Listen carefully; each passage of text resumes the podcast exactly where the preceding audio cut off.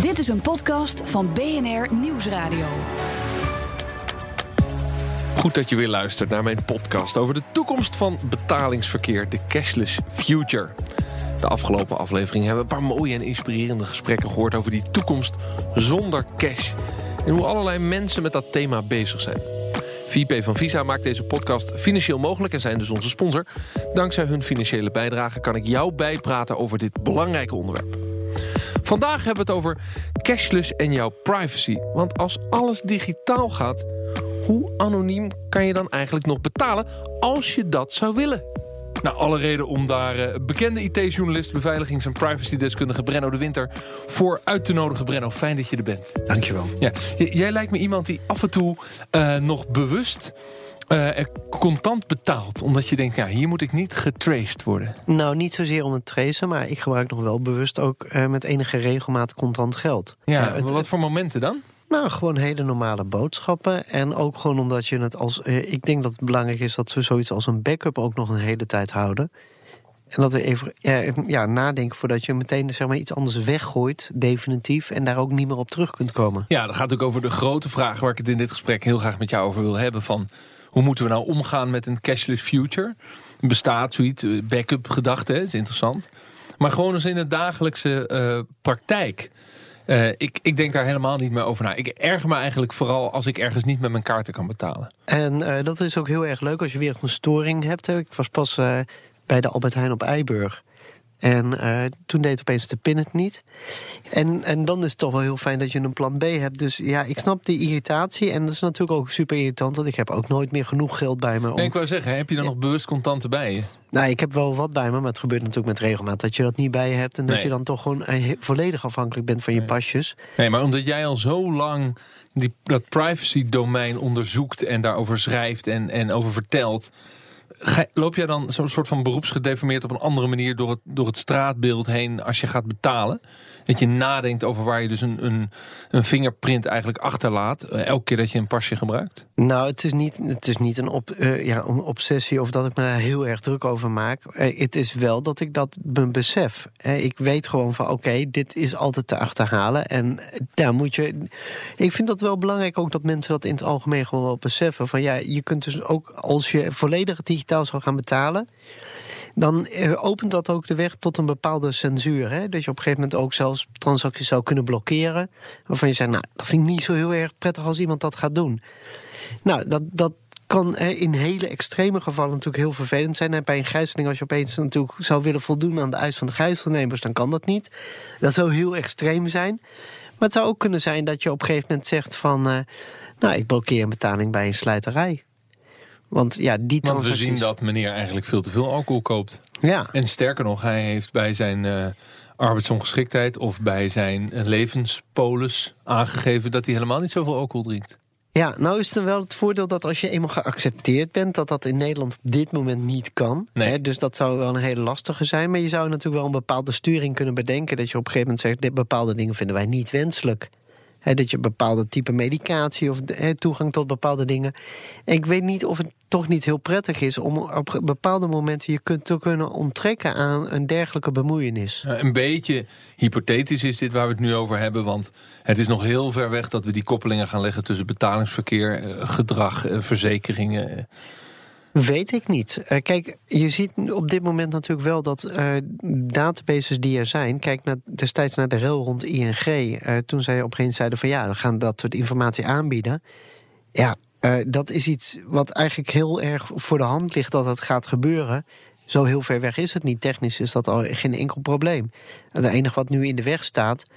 Is eh, de toestemming eh, op, op, ja, rond privacygebied. Ja. Maar we zien in de Verenigde Staten natuurlijk dat mensen daar eh, ja, zich niet zo gek veel van aantrekken. Nee, dat is interessant. Wil ik ook heel graag met je over doorpraten. Die verschuiving van cash naar digitaal, die is volop gaande. Dat is een feit. En is een groot succes ook. Is een groot succes. Ja. Zeker contactloos de afgelopen drie jaar. Gaat in Nederland overigens heel goed. In een van de vorige afleveringen heb ik ook over Duitsland en Italië gepraat. En daar zijn ze nog heel ver van huis als het gaat over het veel gebruik van, eh, eh, eh, van, van eh, digitaal. Dat is allemaal nog heel erg cash. Vind je het wel een positieve verandering? Nou, we hebben er wel een bepaald gemak van dat wij in staat zijn om, om gewoon contactloos te betalen. Ik hoef over een heleboel dingen niet meer na te denken. En dat, dat heeft ook een bepaalde gemak. Dus, dus in die zin is dat, is dat heel erg prettig.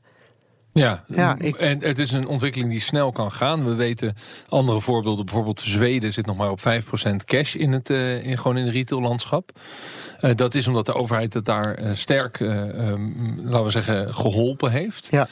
Um, heb, heb je die idee dat we in Nederland wel dat het wel goed is als we die kant op gaan? Dat nou, we het zo klein gaan maken? Nee, maar kijk, we zijn in Nederland ook heel ver met het digitaliseren van geld. Hè. Ik heb op een gegeven moment een keer een, een, fictieve, een, een fictieve roman geschreven, De Rode Hek. Wat er zou gebeuren als het financieel systeem digitaal zou worden gekraakt. En uh, daar, in het vooronderzoek daarbij bleek ook wel dat heel veel van ons geld is al gedigitaliseerd. Dus uh, wij doen het helemaal niet slecht. Dus, nee, dus in die zin, als jij zegt niet slecht, is dat ook een positieve ontwikkeling. Moet ook niet stil blijven staan in, in een soort van dus contante wereld. Nee, precies. Dus, en uh, mensen in Nederland zijn best wel uh, tech-savvy. Hè. Ze vinden het best wel leuk om dat soort dingen te omhelzen. Dus dat, dat komt vanzelf wel. Waar je het vaak ziet dat het gaat schuren. Dat zag je bijvoorbeeld ook bij een overchipkaart. Is als je het mensen door de strot probeert te duwen. Daar zijn we in Nederlanders toch wel een beetje wars van. Ja, uh, omdat we het lastig vinden dat iets ons wordt opgelegd. Tegelijkertijd, het gaat dus ook raken aan de privacy.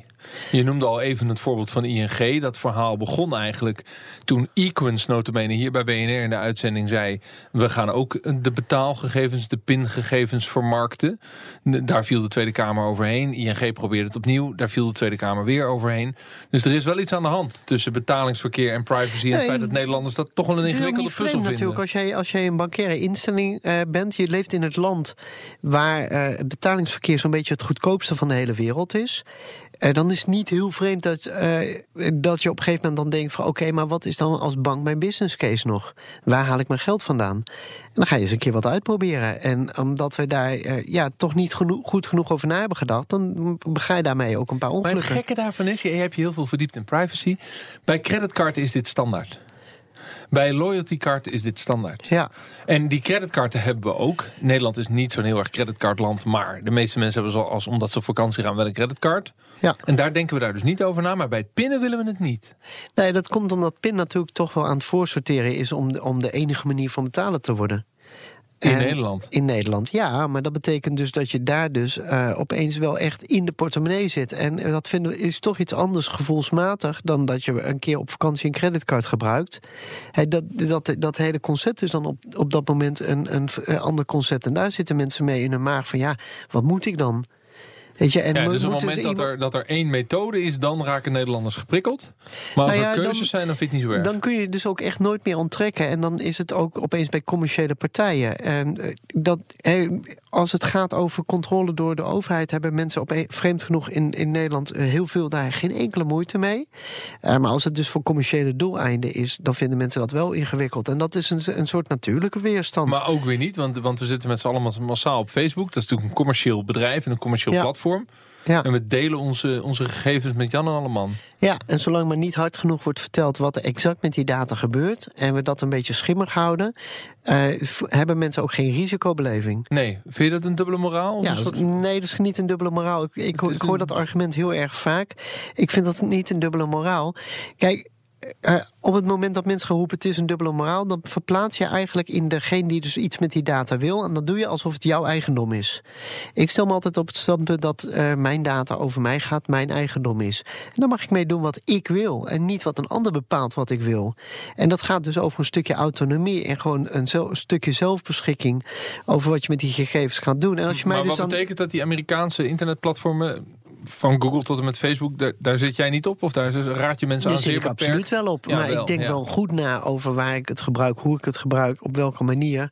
Uh, daar ben ik wel heel bewust van. Als jij mijn Twitter-feed volgt, dan weet je echt niet elke dag wat ik eet en wat ik doe. Nee, alsjeblieft zeg. nee, alleen als het eten wel is gelukt, dan natuurlijk... Dan, Af en toe moet er een fotootje, precies. Ja, daar heb ik ook heel lang al niet... Nee, dat is niet waar, ik kook best graag. Nee, dat, dat doen Nederlanders wel veel. Fotootjes maken van eten wat geslaagd is. Ja, Begin 2018, uh, uh, ja, foodporn inderdaad, treedt uh, de GDPR in werking. Oftewel de General Data Protection Regulation, Europese richtlijn, is al in werking getreden, maar hij gaat gehandhaafd worden.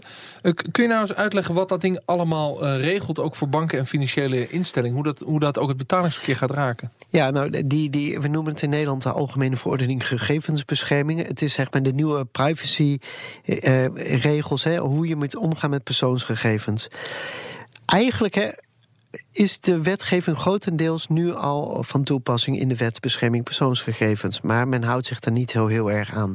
Die boetes gaan fors omhoog en er wordt een systeemwijziging doorgevoerd. Nu moet de autoriteit persoonsgegevens aantonen dat je niet voldoet.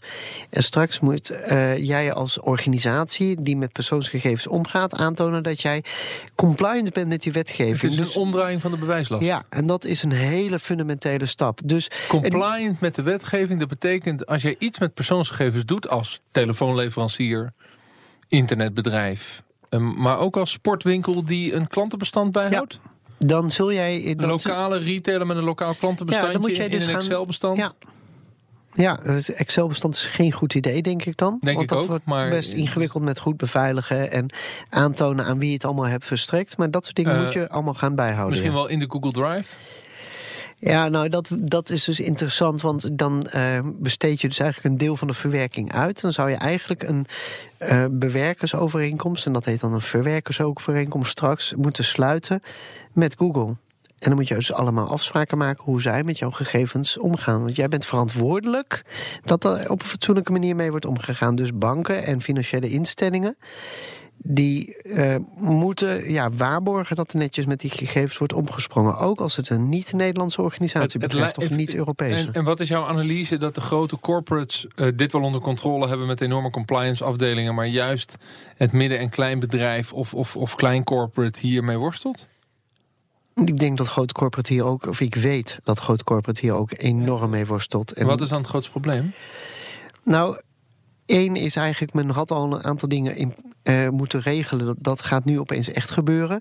Twee is het kunnen aantonen. Dat is nogal een, een, een hele molen van welke persoonsgegevens heb ik in huis. Wat doe ik daar exact mee? Heb ik daar wel de juiste doelen bij? Dus ja, dat is heel veel werk om dat nu allemaal recht te trekken. Waar gaat die omdraaiing van de bewijslast dan in? 1 januari? Uh, nee, 25 uh, mei 2018 moet je, moet je daarvoor klaar zijn. Dat is voor het bedrijfsleven nu razendsnel. Dat is over zes, zes maanden? Ja. Ja. Dat is heel erg snel. En dan moet je dus uh, wel ja, een begrip hebben van wat je in huis hebt, waarom je dat in huis hebt, uh, wat je ermee doet, aan wie je het verstrekt. Um, het moet afdoende beveiligd zijn. Dus je moet een aantal basale dingen hebben geregeld om, om dat ja, op orde te hebben. En als het allemaal misgaat, dan ben je ook verplicht dat te gaan melden. Nou, ja, dus ook bedrijven die zich bezighouden met betalingsverkeer, waar deze podcast dan over gaat. De cashless future. Kun je uiteindelijk gekoppeld aan betalingsverkeer ook persoonsgegevens hebben en opslaan en gebruiken. Ja. En dan zul je uh, moeten houden aan de GDPR. Ja, zo gezegd. en ook nog uh, aan een andere wetgeving, een Europese regelgeving, dat is de PSD. En die richtlijn zegt ook dat je dus aan andere partijen die data moet verstrekken. Juist, want uh, Brenno, we zijn zo bij je terug. Ik wil heel graag met je doorpraten over de PSD 2 om precies te zijn. En misschien ook wel over blockchain en de datahonger gekoppeld aan het betalingsverkeer.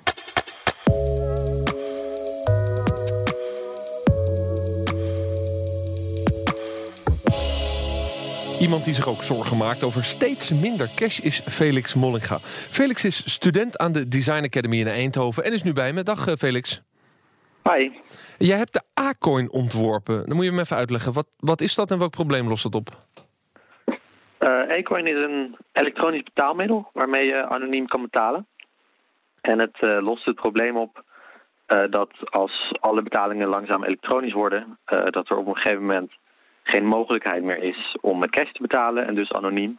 En dan zijn eigenlijk al je uh, gebruikssporen en daarmee je gedrag is volledig traceerbaar. Ja, omdat op het moment dat ik met mijn pinpas betaal of mijn creditcard of hoe dan ook in een winkel, dan, dan is het overal, althans binnen de systemen, zichtbaar. Ja, uh, nou je bank de... weet waar je heen gaat. Ja, maar goed, die uh, banken die, die moeten daar wel zorgvuldig mee omgaan. Ja, maar het komt ook regelmatig voor dat er gebruiksgegevens lekken of betalingsgegevens lekken. In de VS was er een paar maanden geleden een hele grote lek. Um, en dan kan het ook zomaar op straat liggen. Ja, en dus zeg jij, anoniem betalen uh, moet mogelijk blijven. Uh, al is het alleen om een cadeautje te kopen voor mijn vrouw... waarvan ik niet wil dat, dat ze het op het afschrift ziet van onze NOF-rekening. Ja, bijvoorbeeld. uh, of omdat ik op duistere plekken kom waarvan ik überhaupt niet wil dat het getraceerd wordt. Dus anoniem betalen en dus maak je de e-coin. Maar het is een fysiek apparaatje, toch?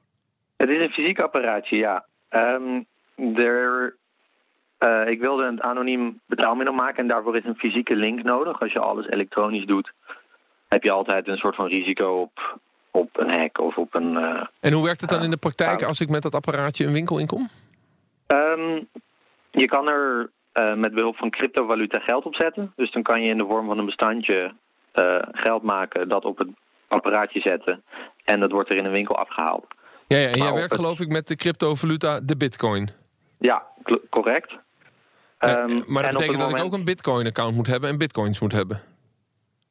Uh, je moet bitcoins hebben, of dat kan in de backend van, van het apparaat zitten, dat het helemaal voor de gebruiker niet zichtbaar is. Nee, en die uh, winkelier, die moet een, een, een, een apparaat hebben om het eraf te kunnen halen? Ja, die moet het kunnen accepteren. Ja, dat is allemaal nog wel heel veel stappen en hobbels voordat we het uh, in de praktijk gaan zien. Dat is waar. je zou kunnen zeggen dat cryptovaluta nog niet heel gangbaar zijn. Maar ik verwacht dat ze dat in de komende tien jaar misschien korter wel gaan worden. Ja, want het werkt dus met cryptovaluta, in dit geval met bitcoin, heeft niet echt een stabiele waarde. Het is nu knijterduur om er eentje te kopen. Ja, ja dat, dat helpt natuurlijk ook niet mee voor uh, de, de, introductie van de e-coin. Um, nou, dat één bitcoin duur is maakt niet heel veel uit. Hij moet inderdaad gewoon stabiel, stabiel zijn of stabiel worden. Maar ik verwacht op zich wel dat de bitcoin stabiel wordt. Het is zo gemaakt dat het eigenlijk een valuta is die heel stabiel kan zijn, omdat er geen worden bijgedrukt, dus er is geen inflatie. Um, ja, maar daardoor is de schaarste steeds groter, worden ze steeds duurder. Uh, ja, maar dat zal wel afnemen naarmate de gebruikersbasis groeit en zodra mensen het ook gaan gebruiken voor betalingen in plaats van alleen voor speculatie. Ja, oké, dus daar zit wat in. Um, uiteindelijk uh, ja, moet je, je hebt ook een designprijs gekregen hè, voor het ontwikkelen van dat, uh, van dat apparaatje. Dan moet die retailer met bitcoins gaan werken. Nou, we hebben in onze podcast ook wel eens een retailer, retailer gesproken die dat doet. Die heeft ook elke dag klanten die met bitcoins afrekenen in Arnhem. Dat is op zich wel grappig. Ja. Uh, um, als klant moet je bitcoins hebben. Ik zei het al, best wel wat, wat hobbels te nemen. Is het niet eigenlijk meer een kunstproject om een steen in de vijver te gooien van jou? Dat je denkt, ja, reëel gaat het niet worden, maar ik moet een, een punt maken als designer. Uh, het was eigenlijk allebei. Reëel gaat het niet worden op een hele korte termijn. Het was een speculatief design, designontwerp. Daar heb ik die prijs mee gewonnen. Uh, met een soort van speculatief systeem over hoe de toekomst van geld zou kunnen gaan plaatsvinden. Maar ja, er moet inderdaad nog veel gebeuren voor de daadwerkelijke ontwikkeling hiervan. Ja, helemaal tot slot. Maak je je zorgen als we echt van het cash afgaan? Bijvoorbeeld in 240 of 250? Ik maak me daar wel zorgen over. En dan moeten er zeker alternatieven komen. En daar werk jij gelukkig aan. En uh, meerdere designers met jou. Uh, dankjewel, fijn dat je het even wilde uitleggen. Felix Molliga. Bedankt. Je luistert naar de Cashless Future. En ik vind het leuk dat Brenno de Winter bij mij is aangeschoven. Hij is uh, privacy- en IT-onderzoeker. Heeft dus een hele leven zich opgestort om dat helemaal te begrijpen en vast te pakken. En houdt Nederland ook altijd die spiegel voor. Zeker van de privacy als het gaat over technologie. Ja, en de cashless future, dat gaat over technologie. Want straks ja, hebben we geen geld meer in onze zak zitten. En gaan we alles giraal doen. En dat betekent digitaal. En dat betekent met nullen en elen. enen. Een paar ontwikkelingen komen op ons af. De PSD2, de Private... Uh, Nee, ik moet goed zeggen. De Payment Service Directive. Ja. Nummer 2. Ja, die Europese Unie die verzint daar wat bij. Uh, Google, Amazon, Apple mogen mijn bankgegevens krijgen van mijn bank als ik het accordeer. En gaan vervolgens daarmee aan de slag. Ja. Is dit een probleem voor onze privacy als betalers, als consumenten? Het is uh, aan de ene kant ook, het, naast een probleem is het ook een enorme kans. Want het maakt opeens mogelijk dat jij uh, goed inzicht krijgt in je financiën bijvoorbeeld. Hè? Dat je een, een, een, dagboek kunt bijhouden van wat je uitgeeft. Je weet wat je overal hebt staan, dat soort zaken. Ja, mijn maar ja, bank als je probeert dat... mij dat al te bieden, maar dat kan beter inderdaad. Ja, dat kan heel veel beter. En zij mogen dat straks natuurlijk ook weer bij andere uh, partijen gaan ophalen. Dan is natuurlijk de regelgeving straks wel zo dat het niet zomaar voor andere doelen mag worden gebruikt. Uh, maar natuurlijk, de, de uh, grote spelers zijn meester in jou verleiden om dat wel te doen. En daar zit natuurlijk wel een, een, gevaar wat daar is. Ja, op een gegeven moment ligt jouw hele leven nu ook tot en met je financiën bloot voor één speler. En als dat een Amerikaanse speler is en de Amerikaanse overheid knipt met de vingers. Ik noemde zo Google, Amazon, Apple. Dat zouden van die partijen kunnen zijn. Ja, dan hebben ze het maar te leveren aan die Amerikaanse overheid. En, uh, dan komen we een beetje in de Edward Snowden hoek. Dan kom je dus precies in die hoek. Dus uh, het wordt wel heel belangrijk dat dat toezicht afdoende daar gaat zijn. Maar wie moet waar toezicht op houden? Uh, ik denk dat je één, één is de toezichthouder op, op privacygebied of op persoonsgegevensgebied. Dat is natuurlijk de, de autoriteit persoonsgegevens. Maar het zouden ook wel financiële toezichthouders kunnen zijn. Van, zijn die gegevens afdoende beschermd? He, kunnen ze niet zomaar worden opgehaald door foute clubs? En dan is natuurlijk de lastigheid het feit dat heel veel van die toezichthouders uh, landelijk zijn. Ja. Er zijn ook Europese toezichthouders. Maar zeker als Amerikaanse bedrijven onze gegevens gaan gebruiken... dan hebben we direct al een toezichthoudersdiscussie. Nou, of dat zijn de niet, Amerikanen nee, nee, nee, strenger dat, dan wij? Um, wij? De Amerikanen zijn op dit moment uh, op sommige punten strenger. En natuurlijk als je ruzie krijgt met de Amerikaanse toezichthouder... is dat alles behalve feest. Maar de Europese toezichthouders mag je niet onderschatten. Hè. Een lokale toezichthouder als de autoriteit persoonsgegevens... Uh, gegevens, die mag ook uh, zich bemoeien met een heleboel dingen... die misschien zelfs al in andere landen zijn opgeslagen. Afhankelijk van, en dat heet dan heel mooi, waar het doel en de middelen voor de verwerking worden bepaald. Dus het, het hangt heel sterk af van welke speler ga je krijgen? Nou, we kennen bijvoorbeeld de, de, de privacy-waakhond in Frankrijk. Is zo eentje die, ja, die bijt flink door. Die kan knap vervelend zijn. Oké, dus in die zin zijn er wel wat toezichthouders die, nou, laten we zeggen, goed in place zijn. Die, die, die zijn er. Die, die zijn waarschijnlijk voldoende geoutilleerd. Ja, dat, dat, dat denk ik wel. Um, ik... Maar dan denk ik, die toezichthouder is één. Maar al die partijen die die markt op gaan, die die gegevens willen gaan gebruiken, wat ze straks ja, dat, kunnen dat vanwege grote... PSD2. Dat is wachten op lekken. Natuurlijk is dat wachten op lekken. En niet alleen datalekken, maar ook gewoon... Um, kan, kan een toezichthouder dat um, ook in omvang op een gegeven moment aan.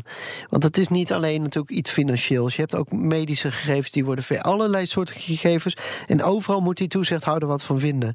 Dus het zou best wel eens heel erg lastig kunnen zijn Vind om afdoende dan in de, in de kern een toch wel een moeizaam idee, dat PSD2. Ik bedoel, ik heb in, de, in deze podcast heel veel over PSD2 gesproken. Over de kansen die het biedt. Ja. Over het feit dat het een no way back is. Ik bedoel, het is besloten, het gaat gebeuren. Het nou, kan die zijn dingen dat er wilde ik natuurlijk net ook kritische opvoer, Kamerleden ja. zijn die hier wat over gaan zeggen. Maar het, het gaat, het gaat ja, gewoon door. Weet je, die Kamerleden moeten dan eerst denk ik gaan leren waar en het allemaal tien over jaar terug, moeten ze.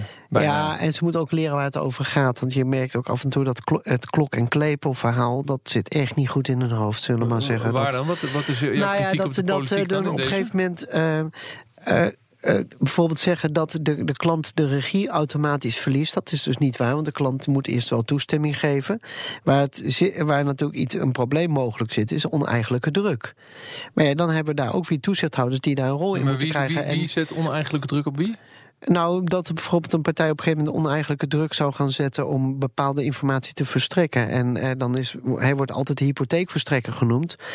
En dan denk ik van ja, wacht even, jij bent Tweede Kamerlid. Uh, jij regelt je houdt toezicht op hoe de overheid functioneert. Als je dus dit probleem nu ziet, dan had het budget van de autoriteit persoonsgegevens een paar factoren groter moeten zijn. Hè? Daar had je zelf wat aan kunnen doen. En dan heb je toch de eenheid van beleid. Dus dan vind ik dat je, um, als je het allemaal niet snapt wat het doet, en dan uh, ja, af en toe opeens in paniek wat gaat roepen omdat je de boot hebt gemist. Ja, waar was je de laatste tijd? Als jij nou. Um de kansen die PSD2 ook biedt voor services van allerlei start-ups, van allerlei interessante bedrijven die fintechs, die jou en mij daar services op willen bieden, omdat ze nu onze gegevens kunnen gebruiken. Die kansen die het biedt op een weegschaal legt aan de ene kant. En aan de andere kant op die weegschaal privacy uitdaging neerlegt. Uh, waar helpt de weegschaal dan naar door? Wat, Ik- wat wordt zwaarder? Wat wordt een. Ik weet niet of, je dat zo, eh, of het zo, eh, zo simpel eh, tegen elkaar is weg te zetten. Als je, er speelt namelijk nog een derde factor mee. Als je niet meedoet, dan wordt Nederland een irrelevant land. En op internet is het natuurlijk wel de winner takes it all. Als je aan de ene kant zegt van ja, de Amerikaanse partijen. Eh, die, die eh, nemen de markt over. En aan de andere kant bied je niet de ruimte om in Nederland dingen te ontwikkelen. Ja, dan, dan loop je op een gegeven moment vanzelf tegen de muur aan. Ja, nee, geloof- we hebben een zelf aantal iemand- succesvolle Nederlandse fintechs, zoals. Adyen.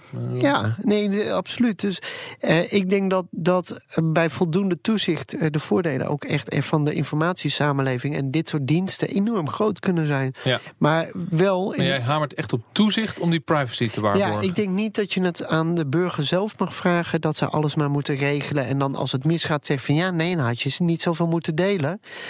Ehm, ik denk dat, dat we hebben best wel een goed kader. Dit zijn dingen die gaan een hele samenleving aan. En daar hebben we een partij voor opgeleid die, die dat namens ons allemaal doet. En dat heet de overheid. En die moet daar veel sterker in gaan worden. Ja, dat is een hele duidelijke boodschap. Dus het hoeft in concept, eh, zowel de GDPR als eh, de PSD2 kansen biedt in betalingsverkeer, kan, kan heel goed worden. Maar we moeten zorgen dat we in Europa en in Nederland ook partijen eh, gaan ontwikkelen en groot laten worden, zodat we als consumenten daar ook terecht kunnen en niet alleen maar in Amerikaanse handen zitten. En je moet het toezicht zwaar neerleggen. Ja. Eh, dat, dat is echt een belangrijke boodschap van jou. Deze hele ontwikkeling gaat samen met, met blockchain. Een, een Ja. mini-onderdeel van blockchain is natuurlijk eh, ehm, de, de currencies. Hè? Eh, Bitcoin en andere blockchain currencies. Ehm, eh, de vraag is natuurlijk een beetje, eh, eh, als die ontwikkeling gelijk opgaat, gaat blockchain helpen om het veiliger te maken? Omdat altijd wordt gezegd, als iets in de blockchain staat, ja, dat is een soort van grootboek eh, in beton gegoten. En, en ja, je maakt samen een afspraak, er is eigenlijk geen autoriteit meer die zich ermee bemoeit, en dus is het een feit. En het is veilig. Of is blockchain niet iets wat, wat deze hele ontwikkeling Nou ja, gaat weet je, verlichten? Laat ik even beginnen met. Ik heb altijd één probleem met de blockchain. En dat is toch wel van het kaliber. Ik had gisteren enorme last van mijn rug. Ik heb er wat blockchain op gesmeerd en nu voel ik helemaal niets meer. het wordt als een smeermiddel overal Ja, gebruikt en dat- om het te dat- verlichten. Dat, dat even vooropgesteld. Ehm Vind je te veel als een heilige graal gepresenteerd? Ja, absoluut. En, en dat ook mensen nu opeens schrijven dat alle beveiligingsproblemen op te lossen zijn met de blockchain. Het staat of valt met de, eh, de kwaliteit van de cryptografie. Ehm, cryptografie, daarvan weten we dat we pas na veel jaren kunnen zeggen of dat wel of niet afdoende is. Hij doet dat achteraf te bekijken. Dus we weten gewoon nu op dit moment nog niet hoe dat eh, gaat uitpakken. een Maar als een dit... believers, non-believers discussie dus. Ja, maar als, hè, dus als op een gegeven moment zo'n zo'n blockchain, eh, de technologie eh, in de fundamenten wordt gekraakt, dan heb je dus ook in één klap helemaal niets meer. Hè, dat is wel een, een, een bijna met een beetje per een eenlaagse beveiliging, waarvan je zegt van ja, ik heb overal een kopie van de administratie. En dan leg ik daar gewoon misschien wel 50 computers tegenover die zeggen ja, maar ik heb een andere administratie. Dan wordt het wel een heel lastig verhaal. Dus Niet te hard met blockchain. Nee, nou wel, wel aan de slag mee. En eh, zeker gebruiken, maar niet meteen gaan wegzetten als... dit is nou eens de eerste technologie die foutloos is. We hebben gewoon geen enkele technologie die foutloos is. Alle technologie faalt. En dat is ook cool. Want we zijn nog aan het leren. En dat gaat met een enorme snelheid. Maar eh, ja, wel even een stapje realistischer. En niet zeggen van ja, ik gooi nu mijn hele financiële stelsel in één blockchain. Want als, er, als ik dan opeens een Rusland of een Noord-Korea ben, dan kan ik dus met één druk op de knop een heel financieel stelsel eh, destabiliseren. Dat lijkt me niet zo heel erg handig. Mm, Dat is niet zo heel erg handig. Ehm, deze podcast, de Cashless Future, gaat dus ook over de vraag...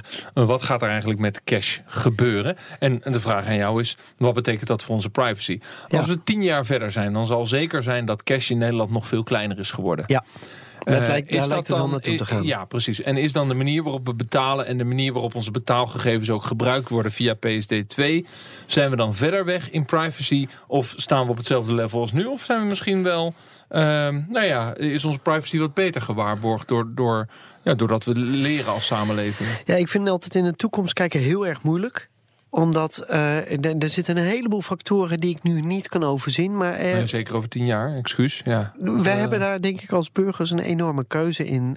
waarbij we zelf ook sturing kunnen geven. Als wij een nummertje maken van het misbruiken van gegevens.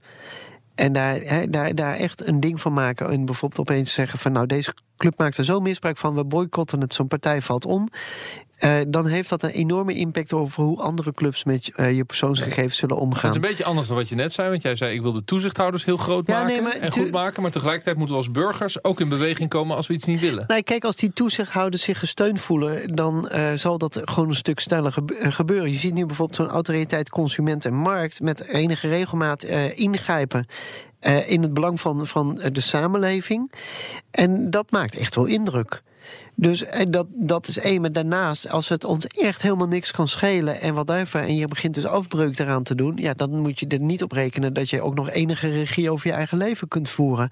Als we nu gaan zeggen van ja, we willen wel de diensten gebruiken, maar we willen daarbij ook gewoon normaal regie over ons leven voeren en de technologie gebruiken om uh, ja, om ons voordeel mee te doen en juist in die manier ons leven beter te maken, dan zijn er enorme voordelen te behalen. En dus dan hoeft de privacy eh, niet noodzakelijkerwijs negatief uh, beïnvloed te worden. Maar dat het de impact gaat hebben en dat we daar anders tegenaan gaan kijken, dat, dat, hè, dat is onvermijdelijk.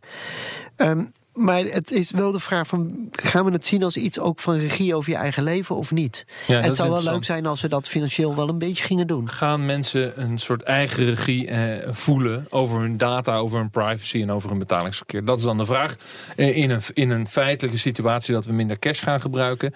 gaat het helemaal verdwijnen? Hebben we, hebben we in 240, 250 nog cash in onze handen? Ja. Ja? Of voor de collectebus? Of de kerkzak? Of... Uh...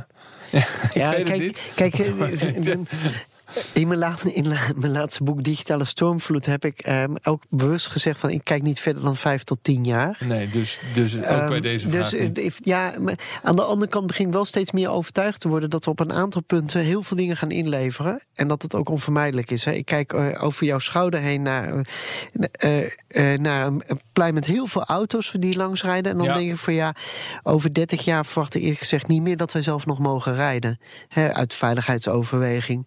Zeker en niet, computers rijden veiliger. Ja, en ik denk dat dat contant dus um, grotendeels ook wel verdwenen kan zijn, ja. Met een slag om de arm. Spannende gedachte. Eén ding is zeker, wij rennen dan nog uh, fris en fruitig rond in deze wereld. Dus we gaan het Met samen meemaken. Ja. ja. Brenno, dankjewel.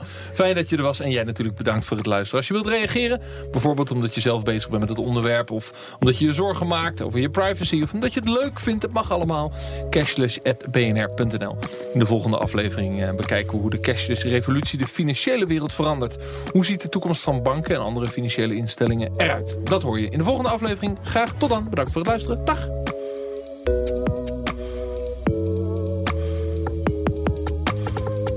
BNR, de Cashless Future, wordt je aangeboden door VP van Visa.